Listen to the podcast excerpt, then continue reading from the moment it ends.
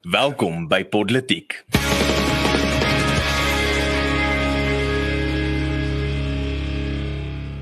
Asai, goeiemôre. My naam is Paul Marit. Saam in die ateljee is Arno Rood en Erns van Sail. Ek sê altyd baie vinnig saam met my in die ateljee. Klink dit of ek sê saam my in die ateljee? En uh, ek het ontsettend uh vies geraak hierdie week vir 'n klomp mense wat op sosiale media sê saam my. Ek het ook 'n gedigie daaroor geskryf wat eersdag sal verskyn. So saam met my in die ateljee, met my is Arno Rood en Erns van Sail. En uh vandag het ons drie lekker stories vir jou. Toerisme rasisme gestop, belastingproses duik op en hou DRK dop. Ons sien baie uit na hierdie lekker gesels. Ehm um, nou ja, kom ons op ons is hierdie week se politiek en ons spring weg met 'n toerisme rasisme storie. Hierdie is 'n storie wat al 'n hele rukkie kom en uh Erns sal van die begin af Coalface besig om te beklei teen hierdie storie. So Erns, wat gaan daaraan? Right, ja. So Paul wat ons hierso het is 'n storie wat ons al klaar gedek het soos jy gesê het in uh vroeëre politieke episodes. Die verskil is net ehm um, daar's nou 'n einde aan aan hierdie saak. Dit was nou al 3 keer in die hof. Ehm um, so dit die eerste keer in die uh, Hooggeregshof verskyn. Ehm um, en uh, hierdie saak gaan spesifiek oor die minister van toerisme se toerisme fonds rakende die uh, COVID-19 uh, pandemie en krisis. En uh, hierdie toerismefonds was om klein en mikro uh, ondernemings en besighede in die, in die toeriste sektor of toerisme sektor uh, bystand te bied wat gesukkel het weens die pandemie en die staat van inperking. Daar is wel 'n uh, stukkie kriteria, uh, kriteria aan hierdie um, fonds wat ehm um, absoluut uh, absurd is. En dis die feit dat jy moet uh, aan rassekriteria voldoen om uh, hierdie fonds uh, toegang tot hierdie fonds te kry. Wat beteken dat as jy 'n klein of mikro besigheid was, maar jou ehm um, eienaars van die besigheid is wit en jou besigheid is 'n paar weke weg van om onder te gaan en jy gaan na hierdie en jy's in die toerisme ehm um, bedryf en jy gaan na hierdie toerisme fonds toe en jy sê kan ek ek kwalifiseer duidelik vir dit, kan ek asseblief uh, befondsing of help hulp kry, dan gaan hulle jou so op en af kyk en sê ekskuus meneer, ehm um, jou velkleur is nie die regte kleur in jou besigheid sê maar jou oë moet toeknip uh, toeknyp jou uh, op jou tande kners uh, terwyl jou besigheid ondergaan weens uh, jou ras.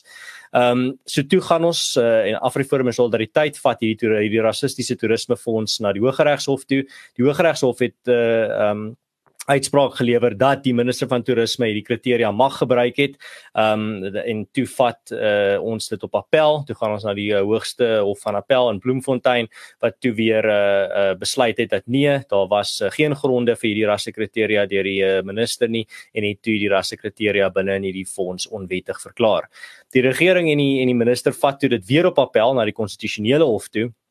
En dis nou waar ons vandag hierdie uitspraak gekry het. Die konstitusionele hof het vandag uitspraak gelewer waarin dit gesê het dat ehm um, dit het die uh, aansoek of dit het die appel aansoek van die uh, regering en meer spesifiek die toeris, uh, toerisme uh, minister afgekeur verwerp met kostes.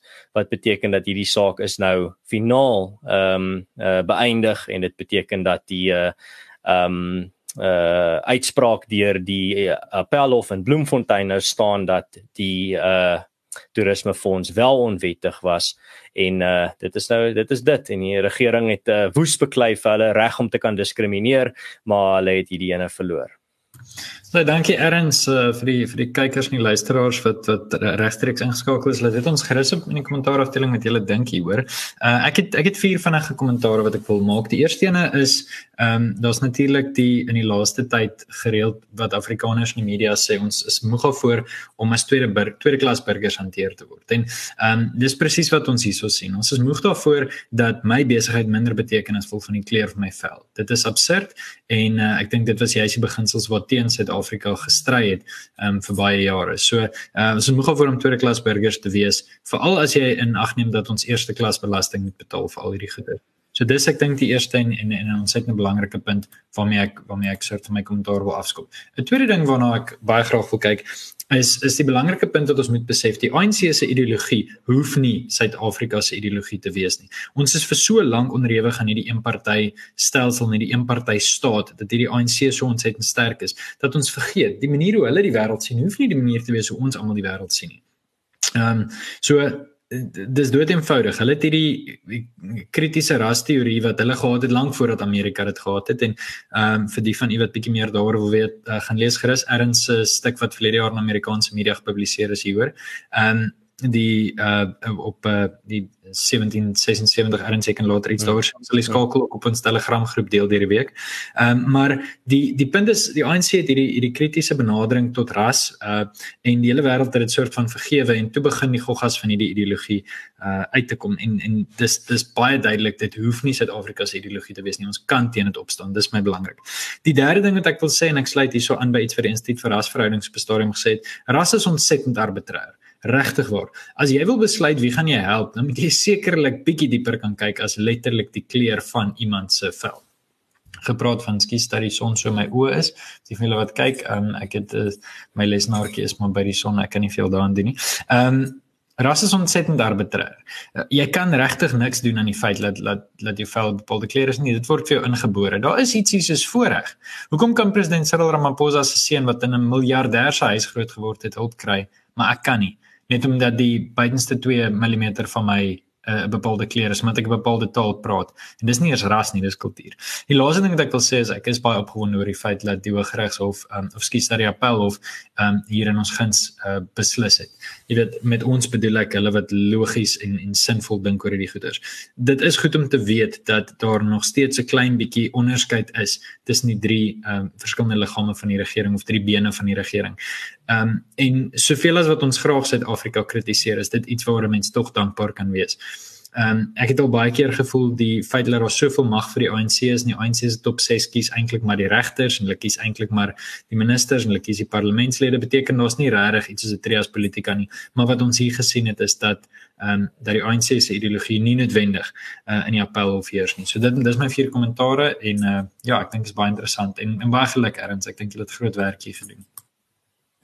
Ja, ek dink kyk in ons kantoor was daar so groot gejuig die oomblik toe ons daai uitspraak ontvang. Dit was regtig opwindende tyd.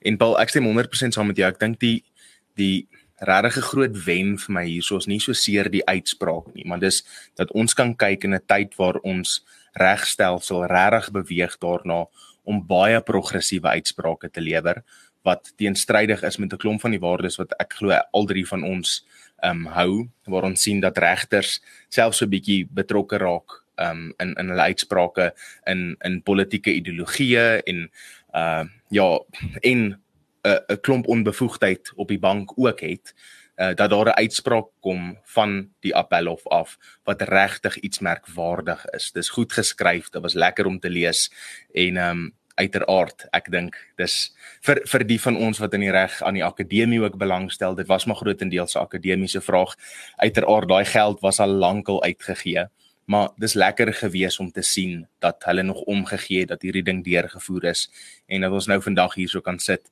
met 'n met 'n uitspraak en onsself so 'n bietjie op die rug klop vir die werk wat gedoen is uh vir al julle ouens daar by Afriforum. Hmm.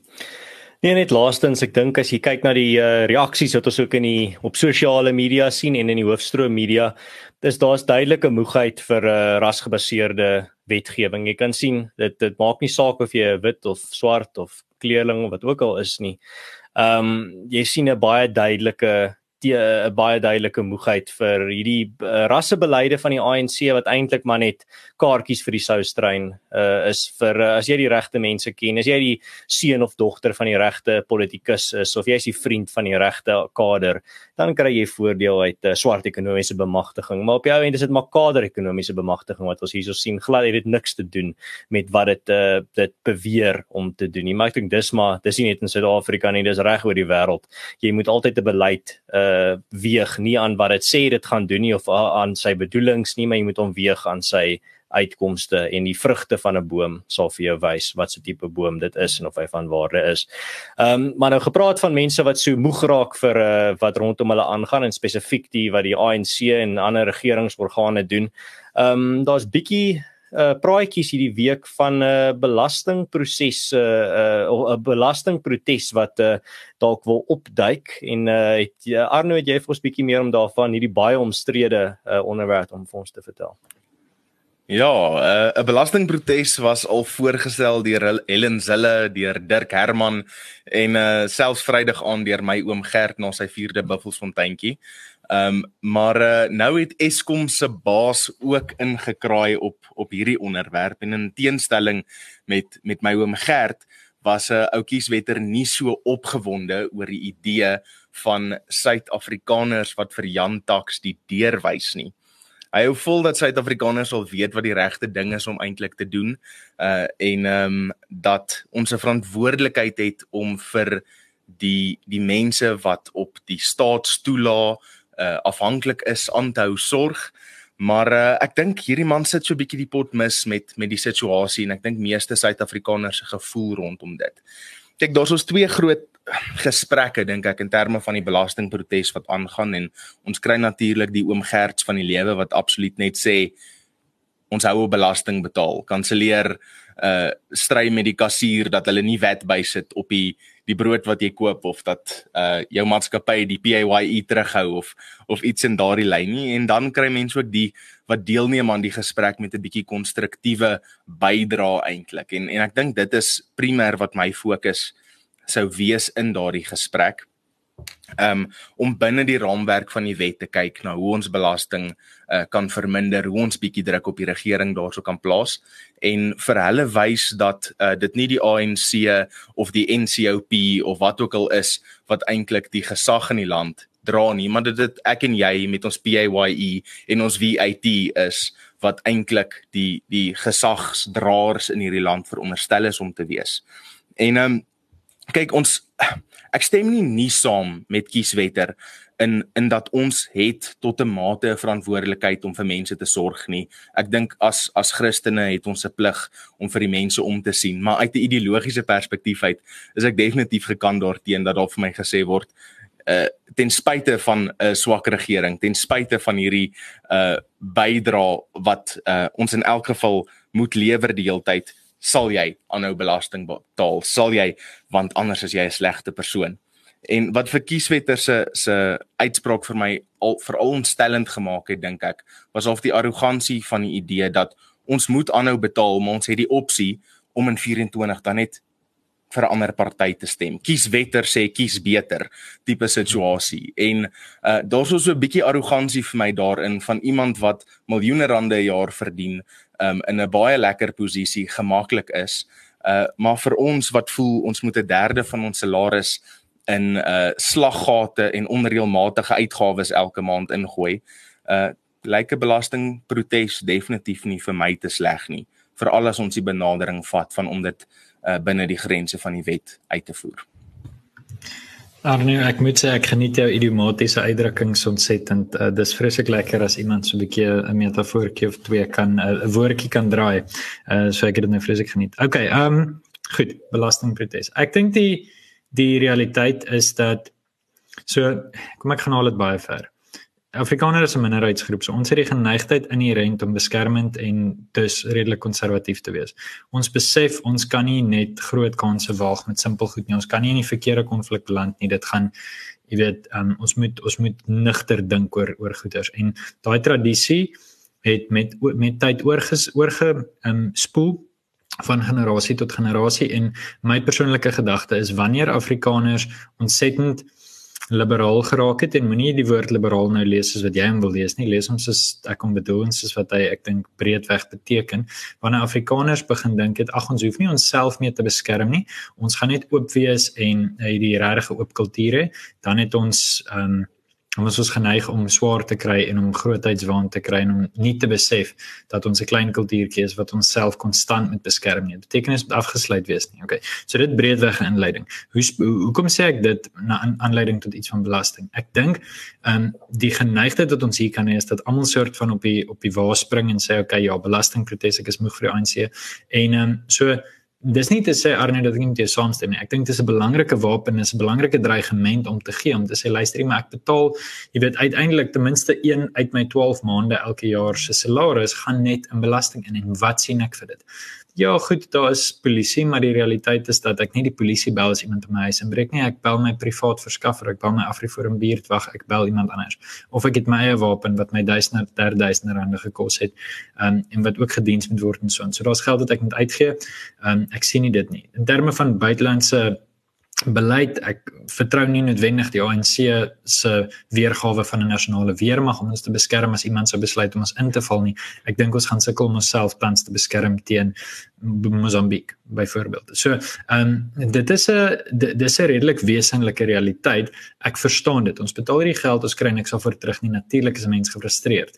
Ehm um, daar is die die Bybelse imperatief gee vir die keiser wat hom toekom. Een van ons kykers het ook nou gesê daar's 'n verskil tussen wat die keiser toekom en wat die keiser vra. En 'n derde perspektief wat ek op hierdie het is ook natuurlik die feit dat ek tans in Europa woon waar belasting ontsettend hoog is, maar jy kry basies alles verniet. So die land waar ek nou is, is kleuterskole, laerskole, hoërskole, universiteite, alles is ingesluit. So dan het 'n mens die vraag, okay, maar jy weet hoeveel belasting moet jy dan betaal? Wat moet jy daar uitkry? Dis 'n regtig komplekse kwessie. So My gevolgtrekking hieroor is nog altyd. Ek dink dit is 'n belangrike ding om te hê en om te sê, goed, ons hou hierdie regering in die gang. Hierdie regering is binne in die liberaal-demokratiese beskouing van wat die Suid-Afrikaanse regering is en wat hy ook van homself het, 'n samevoeging van almal se stem. En almal se stem was voorwaardelik aan aan bepaalde dienste wat gelewer moet word, nou dienste word nie gelewer nie. Dit verstaan ek en ek gee dit toe. Maar ek dink eerlikwaar ons is baie baie baie ver van ryp af op hierdie gesprek. Ja, dis 'n lekker gesprek met die braaivleisvuur te hê. Ja, dis 'n lekker dreigement om voor die ANC te gooi. Maar ons moet besef, die oomblik wat jy dit doen, die oomblik wat jy sê luisterie, ek gaan reël met my werkgewer om nie my belasting oor te betaal nie, SAID nie. Ek gaan daai geld apart hou in 'n rekening of ek gaan dit gewoon net gebruik vir iets anders. Dis 'n wesenlike stap. Dis 'n groot storie. En ek dink eerlikwaar die regering besef dit. So die oomblik wat dit gaan gebeur op grond op voedselvlak, kan ons kan ons arrestasies verwag. Ons kan verwag dat mense vervolg gaan word want ek dink almal besef dis 'n groot oomblik en dis 'n groot stap. So ideologies verstaan ek mense se frustrasie, realisties sê ek net ons kan nou oor praat, maar om oor te gaan na doen toe, dis 'n groot ding. Dis 'n groot groot ding. Ons kan dit ondersoek en ons kan dele van die belasting begin terughou of begin kanaliseer, maar ek dink die die eerdere stap is dat selfhelporganisasies en selfdoenorganisasies vir ons 'n padkaart begin bou en sê goed, In plaas van om jou hele belasting te weerhou, weerhou jy miskien 'n paar honderd rand wat gaan vir hierdie of daai, want ons het 'n spesifieke gedagte daarvoor. Ons gaan ons gaan dit op 'n ander manier kanaliseer of so. Ek dink so iets is baie meer realisties. So tans is die belastingproses storie vir my ten minste 'n stomp instrument. Dis 'n cricket golf of 'n baseball golf. Wat ons eerder wil hê dit moet wees, is 'n skerp genuanceerde mes skalpel instrument en ek ek dink nie ons is al daar nie. So dis dis my bietjie duiwels advokaat argument hoekom ek so bietjie versigtig is vir die storie. Hmm. Ja, Paul, jy het dit mooi opgesom. Uh, ek wil net 'n paar goed daar bylas en dit is definitief die praktiese kant van dit. Ehm um, as dit kom by belastingprotes, moet ons ook nie ehm um, dit oor romantiseer nie, maar dit noem wat dit is en dit is belastingontduiking. Jy verwag dat mense moet belasting ontduik. Jy kan dit nie regtig enigiets anders noem nie.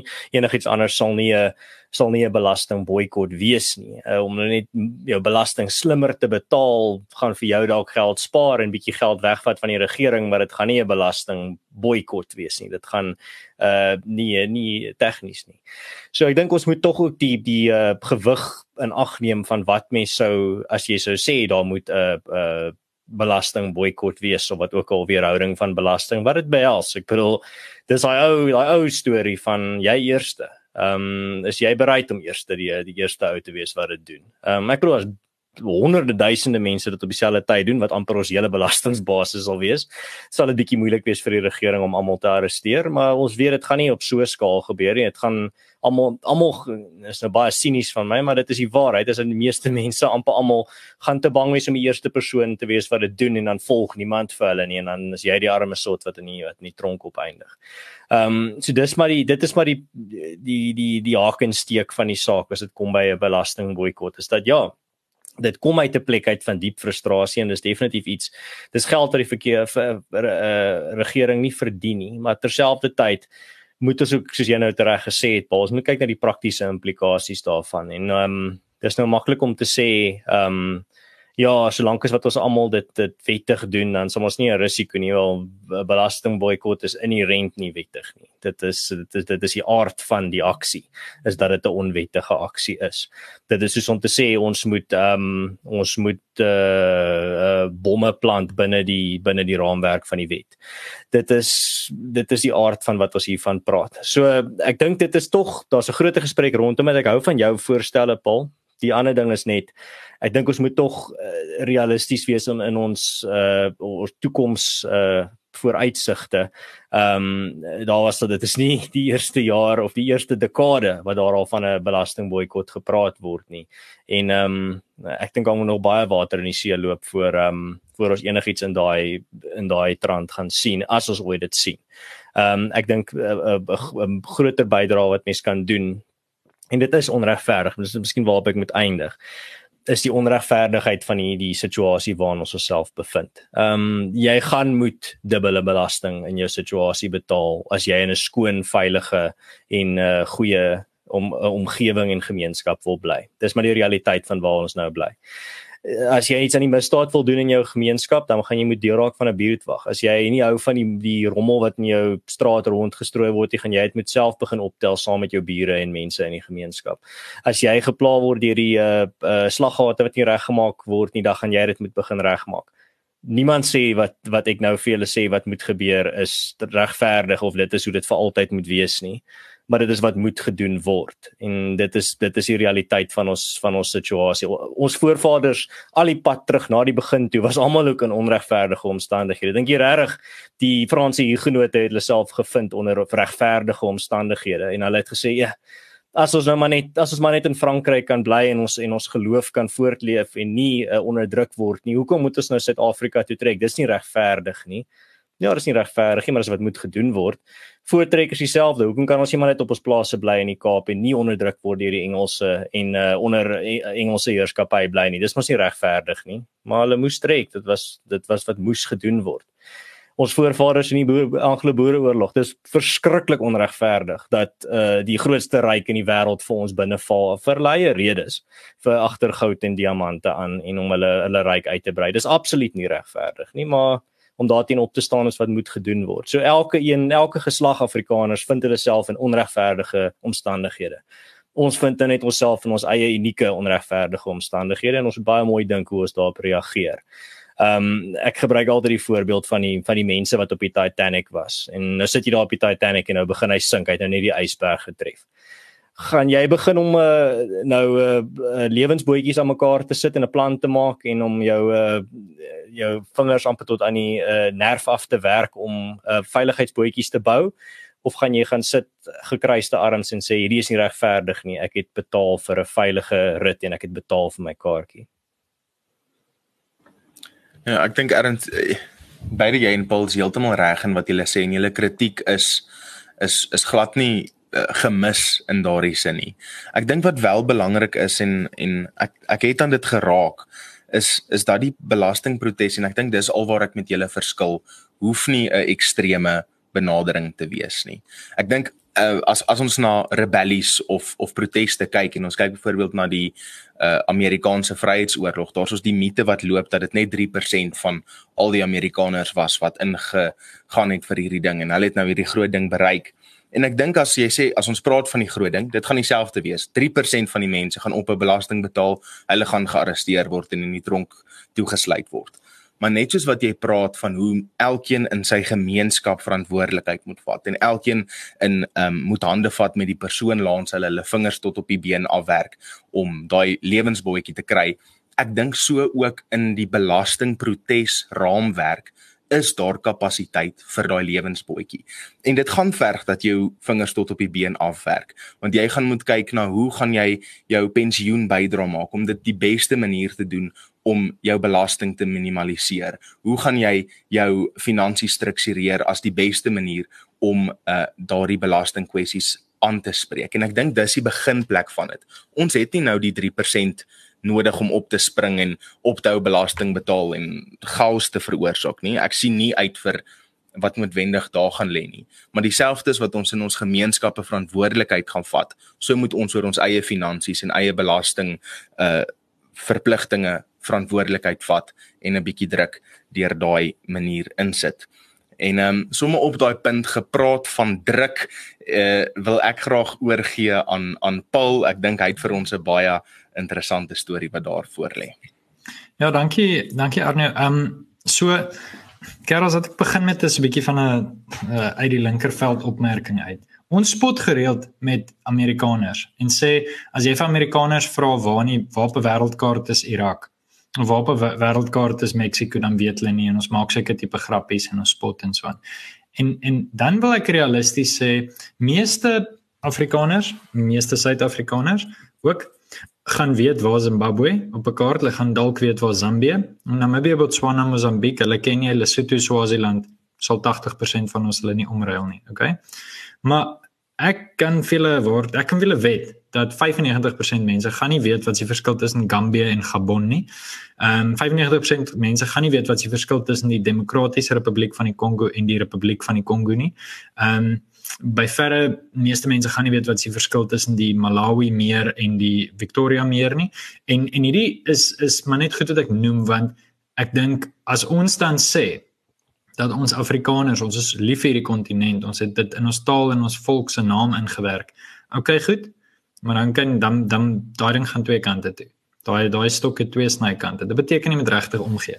En wie om regtig om te gee, dink ek moet jy ten minste net die basiese inligting hê oor die kontinent moenie bekommer nie, dis hoekom jy politiek kyk. So ek gaan so klein bietjie op 'n storie ingaan wat ek verseker weer oor gaan praat want dit is uh, 'n uh, groot storie in Afrika en ek gaan so 'n bietjie tyd hierop spandeer. So as jy my net so 2-3 minute gee om net so 'n bietjie die feite agter mekaar te sit. Daar was pas afgelope Saterdag 'n kongres van leiers van Oos-Afrika in Bujumbura, dit is die hoofstad van Burundi. Goed, die hoofdoel was om 'n skietstilstand te kry van wat tans in die ooste van die Demokratiese Republiek van die Kongo aangaan in die twee Kivu provinsies. Ek sal dit alles nou op kaarte wys. En um, die vername probleem is dat daar 'n rebelle groep met die naam M23 is. Hulle het op 23 Maart 2009 ontstaan en vir die afgelope 14 jaar het hulle redelik gereeld um, hier in die ooste van die Demokratiese Republiek van die Kongo ehm um, het hulle militêre uitdagingsgebied aan die plaaslike weermag. Daar is baie sterk beskuldigings van die kant van die Demokratiese Republiek van die Kongo dat Rwanda hulle ondersteun. Dit word natuurlik ten sterkste deur Rwanda ehm um, ontken. Maar wat baie van die mense in die Kongo sê is dat hierdie persone uh, Tutsis is wat natuurlik 'n Rwandese uh, kultuurgroep is en uh, daar's 'n klomp implikasies hiervan. Goed. Uh ek sal nou kom by by hoekom hierdie storie vir my belangrik is, maar ek wil eers 'n bietjie tyd spandeer aan 'n paar kaarte as jy vir my oomblik sal gee. Goed. So breedweg waarvan ons praat Hierso is 'n uh, kaart wat ek nou vertoon vir die van u wat luister, uh gaan kyk gerus op uh op YouTube na die video. Goed. Ehm um, maar so daar sien jy uh nou links onder is Angola en dit grens natuurlik met Namibië en dan kom jy by Suid-Afrika uit vir die wat bietjie oriëntering daar nodig het. Die Demokratiese Republiek van die Kongo is massief groot en daar na die linkerkant toe met ander woorde na die Atlantiese Oseaan se kant is Kinshasa die hoofstad. Al die pad hier aan die regterkant, ehm um, waar daar 'n klomp mere is, die Afrika Meer distrik natuurlik. Daar sien ons Noord-Kivu en Suid-Kivu en aan die ander kant van die water sien ons Rwanda en onder Rwanda is Burundi. As ek so 'n bietjie nader kan kom, dan wys ek hierso Noord-Kivu en Suid-Kivu, albei provinsies is met ander woorde groter as Burundi en Rwanda. Goed. Nou na die 1994 April 94 toe ons die groot verkiesing gehad het wat tydens president Mandela verkies is. Tydens daai selfde maand, maar vroeër in die maand was daar 'n groot ehm um, slagting gewees in Rwanda. En dit is dis een van die basiese goed mens moet weet. Ons omtrent 800 tot 900 000 mense in 'n maand oorlede. Soos die Hutus en die Tutsis ehm um, ja, soos wat daar geweld gepleeg is ehm um, deur die Hutus teenoor die Tutsis. En ehm um, toe daar weer vrede uh gebring is, toe is daar 'n uh, klomp rebelle groepe oor die water. Okay, en hulle het in in die Demokratiese Republiek van die Kongo inbeweeg. Net 'n laaste kaart wat ek tog wil wys van is belangrik. Kyk na die rooi blok, dis omtrent die kaart wat ek sopas gewys het.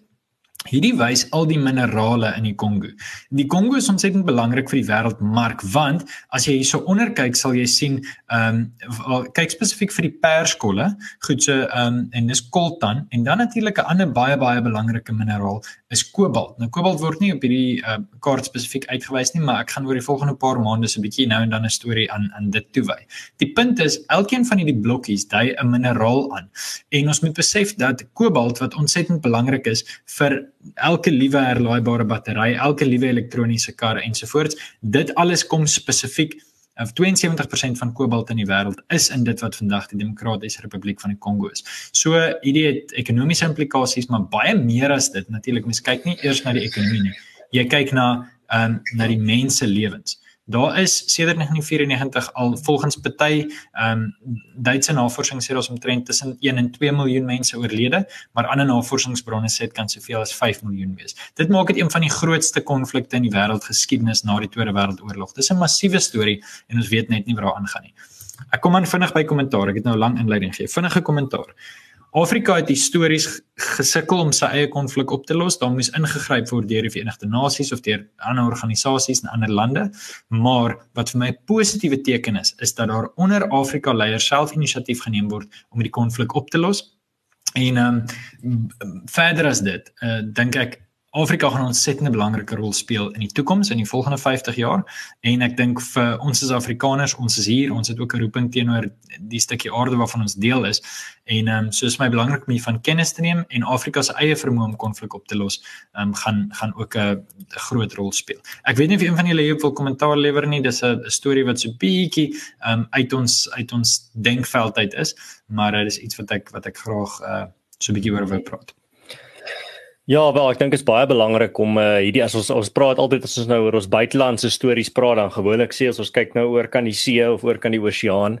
Maar ek dink is tog jy maak 'n baie geldige punt Paul dat ons dis net so belangrik dat ons op die vasteland van Afrika kyk wat rondom ons aangaan want hierdie tipe stories gaan 'n uh, eh, effek nie net op hulle streek hê nie, maar ook op die groter kontinent uh, uh, rondom hulle. Ek bedoel ons kan maar net kyk hoe uh, uh, politiek en konflik in uh, uh, Noordoos-Afrika uh nou aanpaal oorgespoel het al die pad tot in Mosambiek en nou is dit op ons grense. So hierdie is goed wat mense aan moet aandag gee en ek dink is 'n goeie inisiatief dat jy um 'n uh, bietjie vir ons vir ons buitelandse storie ook gaan kyk na 'n paar uh Afrika stories. Maar so Skotse stitte in die Skotse span is hierdie episode ook vereers verby. As jy hou van wat ons doen, teken gerus in op Politiek en ons nooi jou as luisteraar uit om ook self 'n bietjie te ontnonsens deur die gesprek voort te sit in die kommentaarafdeling of op ons Telegram groep en daai Telegram groep se skakel is in die beskrywing van hierdie video.